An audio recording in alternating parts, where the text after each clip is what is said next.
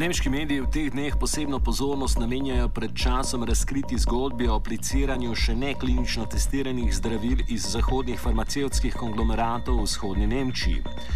Arhivi Stasija se preučujejo v iskanju vzhodno-nemških bolnišnic in bolnikov, tako isto podjetij, ki so ta, tem dostavljali tako imenovana zdravila za voljo nižjih tehničnih in etičnih standardov, obenem pa za izvedbo plačevala podkupnino vzhodno-nemškim veljakom.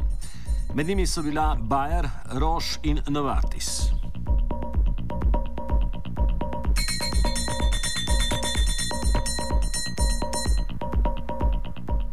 Vrši pa tudi med delom prebivalstva, še posebej nezadovoljnim nad vse višjimi najemninami stanovanj.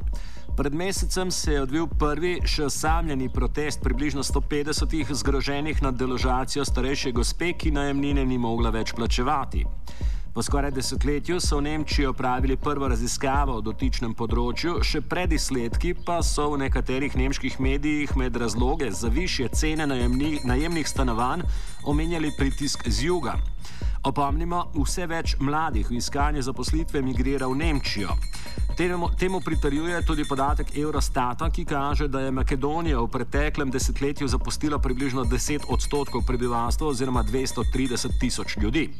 Makedonci, katerih statistični urad teh številk usled neopravljenih cenzusov ne more ne potrditi, ne zanikati, so dan po objavi podatkov Eurostata ogorčeni in še bolj prepričani, da pot, ki jim jo tlakuje politika, ni pot v boljši jutri.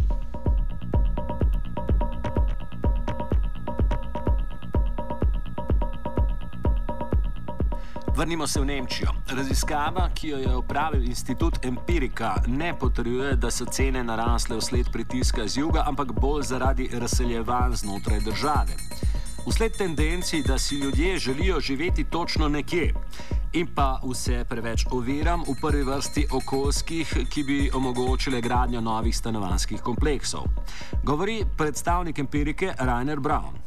We had a lot of new constructions in the 90s due to the German uh, unification and uh, tax deductibilities. And uh, in the end of the 90s, we had a lot of vacancies in Germany. So the rents were, for a lot of years, they've been, uh, uh, the consequences have been very stable, even a little bit uh, sinking for some years. And the change happened in the year of 2006. It was a a turning point since since uh, that time rents are uh, uh, rising again after a decade about one decade of of sinking rents and but it's not uh, it's not in all regions of Germany. It's especially in about 20 big cities with growing uh, um, population sizes. So especially cities like Berlin, Hamburg, and Munich have very strongly uh, rising rents. But we also have uh, uh, in eastern Germany, we have some cities like Potsdam, Rostock, Jena, where rents are rising too. But we also, on the other side, have cities with shrinking population sizes, and in these cities, like Gelsenkirchen in the Ruhrgebiet, or uh, uh, uh, Cottbus, Frankfurt Oder in the eastern in eastern Germany, we have we are still sinking rents or stable rents.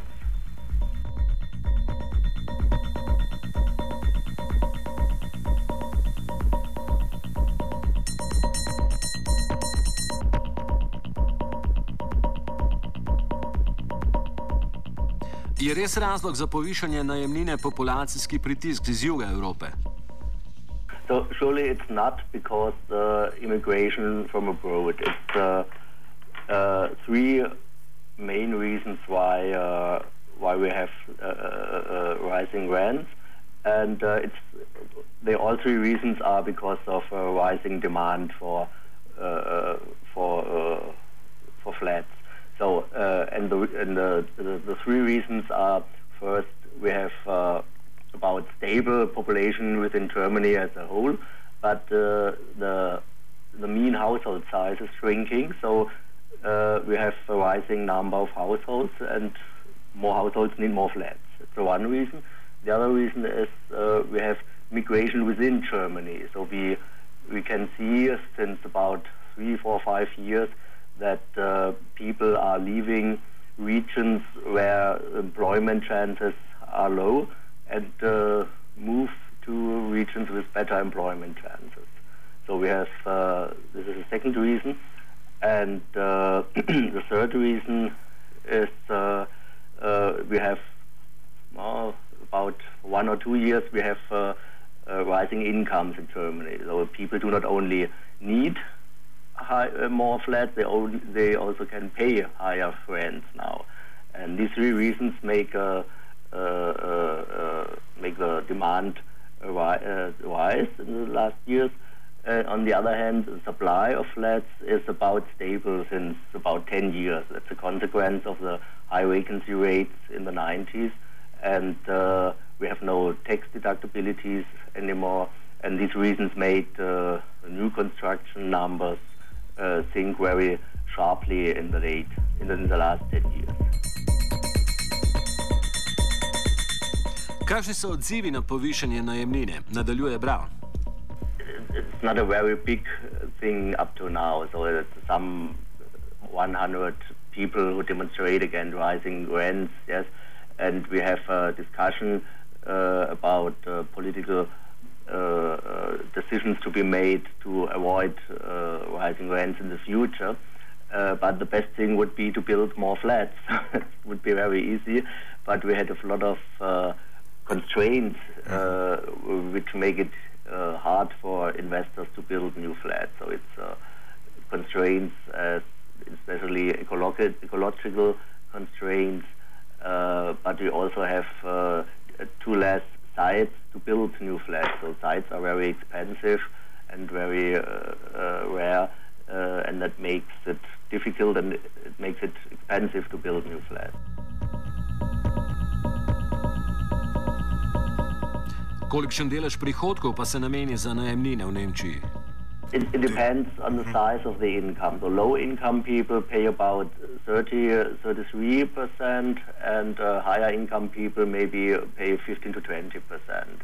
So the average may be about 25%.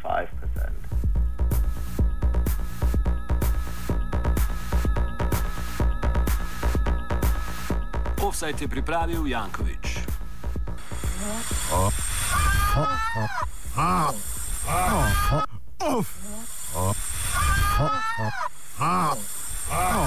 Offside.